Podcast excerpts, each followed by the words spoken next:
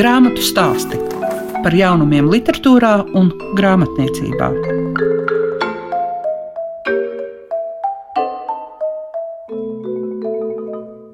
Savu labu dienu jums sūta Liega Piešiņa grāmatu stāstu veidotāja, un šīs dienas raidījumā jūs varēsiet dzirdēt Zani Daudziņu, jo viņas izdotā dienas grāmata nu jau trešajā formātā tiek mums piedāvāta līdzās grāmatai, e-grāmatai, pie lasītājiem nonākusi arī audio grāmata. Un vēl par Aleksa Šulmana izdzīvojušiem. Tā ir talantīga zviedru prozīķa Aleksa Šulmana lakoniskais, skaudriem triepieniem zīmētais trīs brāļu atkal satikšanās laiks vienā grāmatā. Grāmatu stāsti programmā Klasika.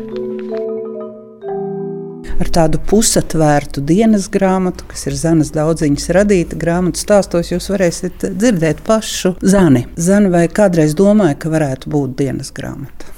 Es varēju tikai cerēt, ka es saņemšos rakstīt pati sev, bet to, ka es rakstīšu kaut ko, kas pēc tam būs tāds uh, ieraugāms arī grāmatnīcas plauktā un dažam labam mājās uz galdiņa. To es pat sapņos vispārdrošākajos nevarēju nosapņot. Bet tā ir zināma atļaušanās, jo tas nozīmē, ka sava dvēsele ir jāatklāj citiem, arī citādi domājošiem, citādi pasauli uztverošiem. Un tad, kad es rakstīju, es par to nedomāju nu, gandrīz nemaz. Es melotu, ka es kādā mirklī varbūt nenodomāju par to, ka kāds to varētu atvērt un redzēt, bet to, ka tā varētu būt grāmata. To es nedomāju, līdz ar to patiešām tur ir viss. Tur es esmu tāda, kāda es esmu, un to man saka arī draugi, ka jā, tādu viņi man pazīst. Un, un atļaušanās bija drīzāk tajā brīdī, kad es eh, pandēmijas miera un eh, tādas stagnācijas rosināta, pēkšņi uzdrīkstējos piezvanīt Arno Junzem un pajautāt viedokli. Iedevu viņam izlasīt un Viņš man iedrošināja, ka tā varētu būt grāmata. Un, jā, un tā grāmata arī nav uh, tā skarbi rediģēta. Tur varbūt uh, kā divi vārdi ir apmainīti vietām, pat uh, tik ļoti minimāli, ka es neatpazīstu tos labojumus. Līdz ar to patiešām tā ir mana dienas grāmata no viena gala līdz otram. Bārbāla Simpsona izdarīja ļoti, ļoti saudzīgu un tādu pret mani tolerantu darbu faktiski neko gandrīz neaiztiekot. Zana taču rakstīja roku. Jā, jā, jā. Kā tas ir rakstīt ar roku, un pēc tam, kurš ir tas brīdis, kad, nu, ai, un tas viss ir tagad uz datora jāuzliek? Man tas bija tāds ļoti patīkams process, pēc tam to atzīt datorā, jo tā bija tāda prokrastinācija, lai izvairītos no promocijas darba rakstīšanas. Es sev attaisnojos, ka rekā es taču esmu apņēmusies to kādam parādīt, un tad jau man vajag to dabūt kaut kā arī drukātā veidā. Bet tas viss ir sīkums, tie visi ir, man liekas, vispār tādi nieki. Es nesaku, ka tā grāmata ir nieks, jo tā ir daļa no manas dzīves, no mūsu visu dzīves, kas mums šķita ļoti nopietna. Un tagad uh, savā ziņā pat apsmaidāma Ukraiņas kara kontekstā, jo bažas par pandēmiju tagad liekas tik smieklīgi sīkas un patiešām daudz, daudz kaut kāds sīkāks dzīves šķērslis un draudz un apdraudējums. Tagad, kad brutalitāte mūs tik tieši konfrontē, tad man liekas, ka mums visiem tā sirdsapziņas latiņa un kaut kāda iekšējās revīzijas pakāpe ir nesalīdzināmā augstāka Es domāju, mēs katrs daudz dziļāk, daudz klajāk un kailāk atklājamies paši sev, nekā es jau kādu uzdrīkstējos tajā pandēmijas laika dienas grāmatā. Man liekas, ka tas, ar ko šī grāmata ļoti daudzus uzrunā. Es negribu teikt tā, kā uzpērk, bet atver un ļoti pozitīvā nozīmē ļauj vērsties uz jums. Tā ir tā vērtību sistēma, kuru jūs parādat savā ģimenē ikdienā. Nu, jā, Tas ir kaut kas tik ļoti pašsaprotams man pašai, ka, ka man to vienkārši nācās tikai piefiksēt. Tur nekas nav sadomāts. Un es neesmu pat arī tā ārkārtīgi lielas pūles pielikusi, lai kaut ko tādu iedibinātu vai savu attieksmi kaut kā mainītu. Man ir veicies, un es domāju, arī Vilim ir veicies no ģimenes mantot kaut kādu stabilu sapratni par to, kas ir labs un kas ir dārgs un kas ir tā vērts, lai to audzētu. Un, jā, mēs cenšamies, protams, kaut kā bez īpašiem liekiem vārdiem to nodot bērniem. Vēl jau mēs nevaram gluži teikt, ka mēs plūcam augļus, bet kaut kādus pumpuriņus mēs redzam, un, un tas ir ļoti cerīgi. Un vēl jau vairāk tāpēc man liekas, būtu ļoti, ļoti skarbi, ja mēs tiktu vēl kaut kā bargāk malti un pārbaudīti. Jau tagad tiekam faktiski.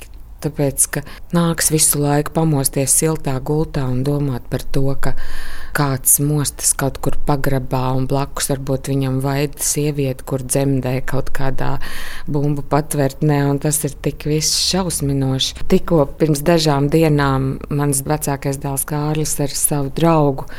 Viņi nolikuši kaut kādas buļbuļsaktas, pagalas un mācījās šaut trāpīgi. Aicināja man arī, es tur ar lielām mokām ietrāpīju vienai pagalē ar pirmo šāvienu, bet nu, tas ienaidnieks jau sen būtu aizgājis. Pēc tam viņiem apnika, viņi sāk grābt pērnās lapas.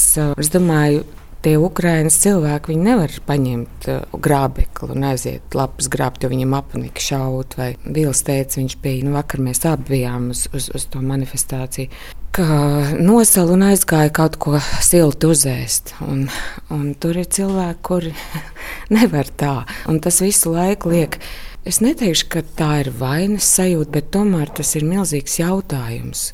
Ko mēs varam darīt, lai tiem cilvēkiem tur tā nav jācieš? Un, un kā kaut kā vispār ar šādu realitāti, lai sadzīvo. Kā ir ar dienas grāmatas rakstīšanu tagad? Tāpat es faktiski kopš 19. Eh, gada 31. decembra, kā sāku, tā es arī tagad turpinu.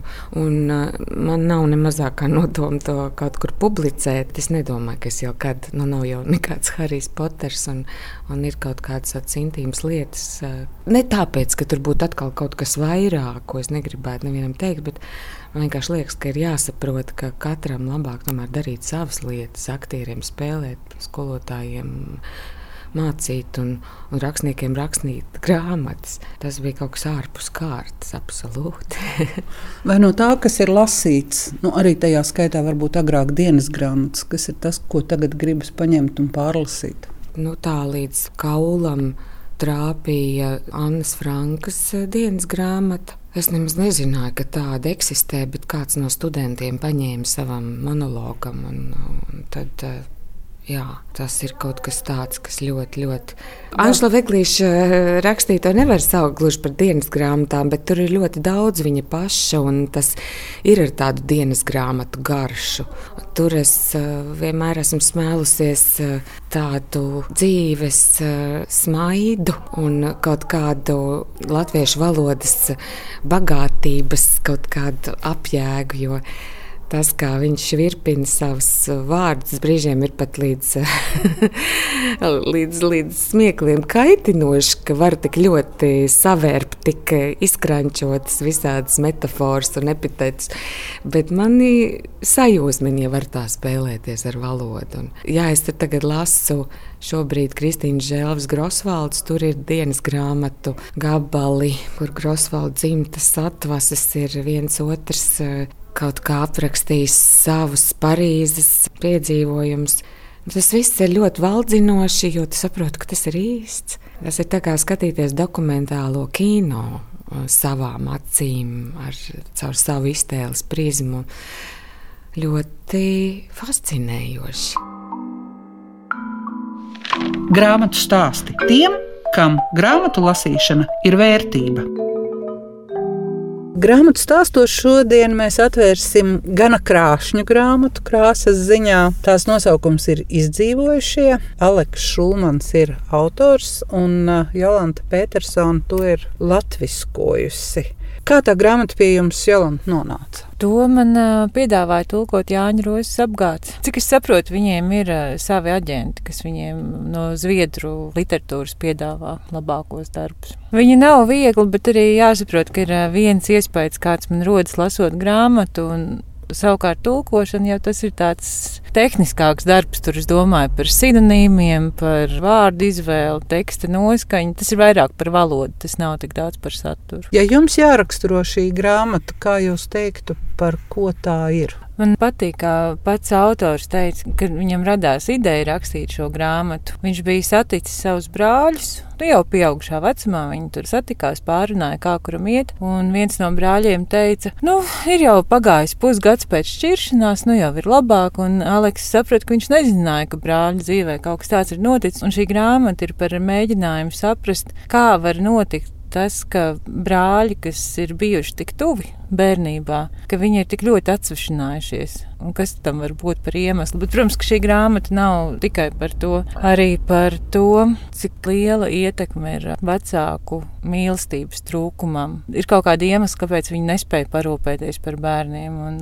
kādu iespēju tas atstāja to bērnu dzīvi. Vai nav arī tā, ka šī gadījumā tā traģēdija, kas šajā ģimenē ir notikusi, ka tā ir aizvērusi ne tikai šo cilvēku, trīs brāļu un vecāku sirdis, bet viņa ir aizvērusi viņu mutes? Es domāju, ka par to jau arī daudzās mums zināmās ģimenēs ir pierasts, ka par sāpīgām lietām runāt ir visgrūtāk. Un tas, ka šajā grāmatā ka viņi par to runā, tas man liekas, ir ļoti dziedinoši. Turklāt eh, izrādās, ka vienu un to pašu notikumu viņi atceras citādāk. Katram, protams, ir bijis kaut kāds savs redzes leņķis. Viņš ir iedomājies, ka brāļi viņu ir pametuši, piemēram, bet izrādās, ka nē, ka viens no tiem brāļiem tomēr viņu bija meklējis, vienkārši nevarējis atrast. Sākt runāt ir ļoti grūti, bet ļoti vajadzīgi. Ko jūs varat pastāstīt arī par autoru, par Aleksu Šulmanu? Es par viņu uzzināju tikai tad, kad man piedāvāja tulkot šo grāmatu, bet es, protams, mazliet painteresējos un izrādās, ka Zviedrijā viņš ir ārkārtīgi populārs, kas patiesībā kaitē viņam kā rakstniekam, tāpēc, ka tas, ar ko viņš ieguva popularitāti, bija bloks. Turklāt 2000. gadu sākumā viņš strādāja par žurnālistu tādā diezgan dzeltenā izdevumā. Līdz ar to tas, ar ko viņu saista, nav gluži rakstniecība. Un turklāt viņam arī ir podkāsts ar vienu citu rakstnieku, kas ir jau desmit gadus viņi to veido. Tas ir uh, populārākais visā Zviedrijā. Un, um, šī ir viņa piektā grāmata, bet tas ir pirmais romāns. Jo pirmie četri bija autobiogrāfiski romāni. Viņš uzrakstīja romānu par tēvu, romānu par sievu, par māti, par mātes vecākiem. Tas nav gluži autobiogrāfisks, bet arī viņš pats saka, ka viņš ir tas Benjamins, viņam ir vecāks brālis Aleksam, viņam ir jaunāks brālis, un ļoti daudz, kas ir šajā grāmatā, ir ņemts no viņa bērnības tās novērošanas spējas un šo novērojumu aprakstīšana, tā man liekas, ir grāmatas spēcīgā puse. Jā, viņš ir diezgan liels meistars šajā ziņā. Es esmu klausījusies, kad viņš pats lasa kaut kādus fragmentus. Un patiesībā, tulkojot ne tikai šo grāmatu, bet vispār arī citas grāmatas, ļoti palīdz, ja ir iespēja piekļūt autora lasītajam tekstam, jo tad ir skaidrs intonācijas tieši tādas, kādas viņš ir gribējis. Un arī, arī šo grāmatu Aleks Šulmans ir ierunājis kā audio grāmatu, un to es noklausījos. Nu, viņš ir apmēram manā vecumā, viņam diezgan patīkama balss jāatzīst. Par ko jums visvairāk nācās arī domāt, tulkojot šo grāmatu? Vispār bija tā, ka par spīti tam, cik viņa ir traģiska, es ļoti daudz domāju par savu bērnību. Es esmu no laukiem, no cēsīm, ne no pilsētas, bet uh, piepilsētas. Tā kā visas šīs pļavas un meži man bija ļoti pazīstami, man par to bija daudz jādomā. Vēl es arī daudz domāju par to, kā es kā vecāks ietekmēju savus bērnus. Neapšaubām tur kaut kādas traumas viņiem būs, tas, man liekas, ir neizbēgami. Jā, šī grāmata liek par to domāt, un arī tas, ko Aleks Šulmans pieminēja, kas ir šajā grāmatā un kas ir arī no viņa bērnības ņemts, ka ir tādas lomas, lomas, ko vecāki reizēm piešķir bērnam. Piemēram, šajā grāmatā vecākais brālis, nu arī Aleksa vecākais brālis, nu, tas bija tas gudrais brālis, tas, kuram ir labas atzīmes, ja viņš atnāk mājās no skolas, vecāks apulcina visu ģimeni, tai nolasa svinīgi priekšās atcerējumu, par ko ir dabūt labu atzīmi. Viņam tika lemta tā nākotne, ka viņš studēs, un, un viņam būs tāda veida sasniegumi. Aleksam savukārt vecāki bija izdomājuši, ka viņš būs sportists humorists vai vieglatlēts, bet viņš, viņš arī gribēja studēt. Un savukārt šajā grāmatā ir brīnišķīgi aprakstīts, kur uh, brālim ir jāgatavo pieteikums visādām skolām, ir jāsūta un vecāki tur sēž ar viņu un, un velta viņam laiku, aizpild visus papīrus. Tas arī ir ņemts no tās Aleksa dzīves. Viņš to skatījies un viņam līdzies tā, un pēc diviem gadiem tas būs man. Mēs ar vecākiem sēdēsim visu vakaru, visu uzmanību būs tikai man, bet vecākiem tas neinteresē. Un Aleks visu to bija spiests tiem papīriem tik galā vienatnē savā istabā. Tagad jau varbūt atklātāk, bet ne pārāk bieži runā par to, ka ir arī vecākiem dažāda attieksme pret saviem bērniem. Jā, it sevišķi kā šajā grāmatā, ja tiem vecākiem nav īpaši liels vēlms iedziļināties, kas tieši ir tas, kas ir viņu bērnu stiprās puses, kas viņiem patīk, kas viņus baida. Un galu galā tie vecāki, viņi nav gatavi sniegt savu mīlestību pietiekami. Jo patiesībā bērniem jau, ja viņiem ir vecāku mīlestība, tas jau ir ļoti daudz. Un, ja viņas nav, tad nekam citam īsti. Es nezinu, kā lai to pasaku. Nav Bet... tam jēgas. Bet cik lielā mērā tas, ko autors ir uzrakstījis, tas rāda tipisku Zviedrijas vidi? Par to man ir grūti pateikt. Man nav ne jausmas, kāda ir tipiska zviedru ģimene. Bet uh, viena lieta, ko arī viņš ir uh, rakstījis arī savā autobiogrāfiskajā romānā par māmu, ka viņa ir bijusi alkoholiķa, un tas parādās arī šeit. Un līdz ar to tas arī ir šķērslis, kas uh, neļauj kaut kas, kas nostājas starp viņu un bērniem kā tāda siena. Man ļoti patīk, klausījos vienu interviju. Protams, ka Aleksam par to prasa diezgan daudzās intervijās, un tas arī ir tas, ko viņam mēdz pārmest ka viņš ir izmantojis savu ģimeni, un viņš tik nesaudzīgi un tik atklāti raksta par trūkumiem, un viņam prasīja, kā tas ietekmē viņa un viņa ģimenes attiecības. Un tad viņš teica, ka par autobiogrāfiskiem romāniem tur pēc katras grāmatas viens vai divi atkrita. Tie ģimenes locekļi atteicās ar viņu sazināties. Bet brāļi viņam ir tik ļoti svarīgi, ka šo grāmatu Jo ir skaidrs, ka tā, tā nav autobiogrāfiska, bet nu, viņā ir ļoti daudz autobiogrāfisko elementu. Un šo grāmatu viņš pirms publicēšanas uh, iedeva izlasīt brāļiem. Un šī grāmata arī veicināja sarunu viņu, viņu starpā. Jā.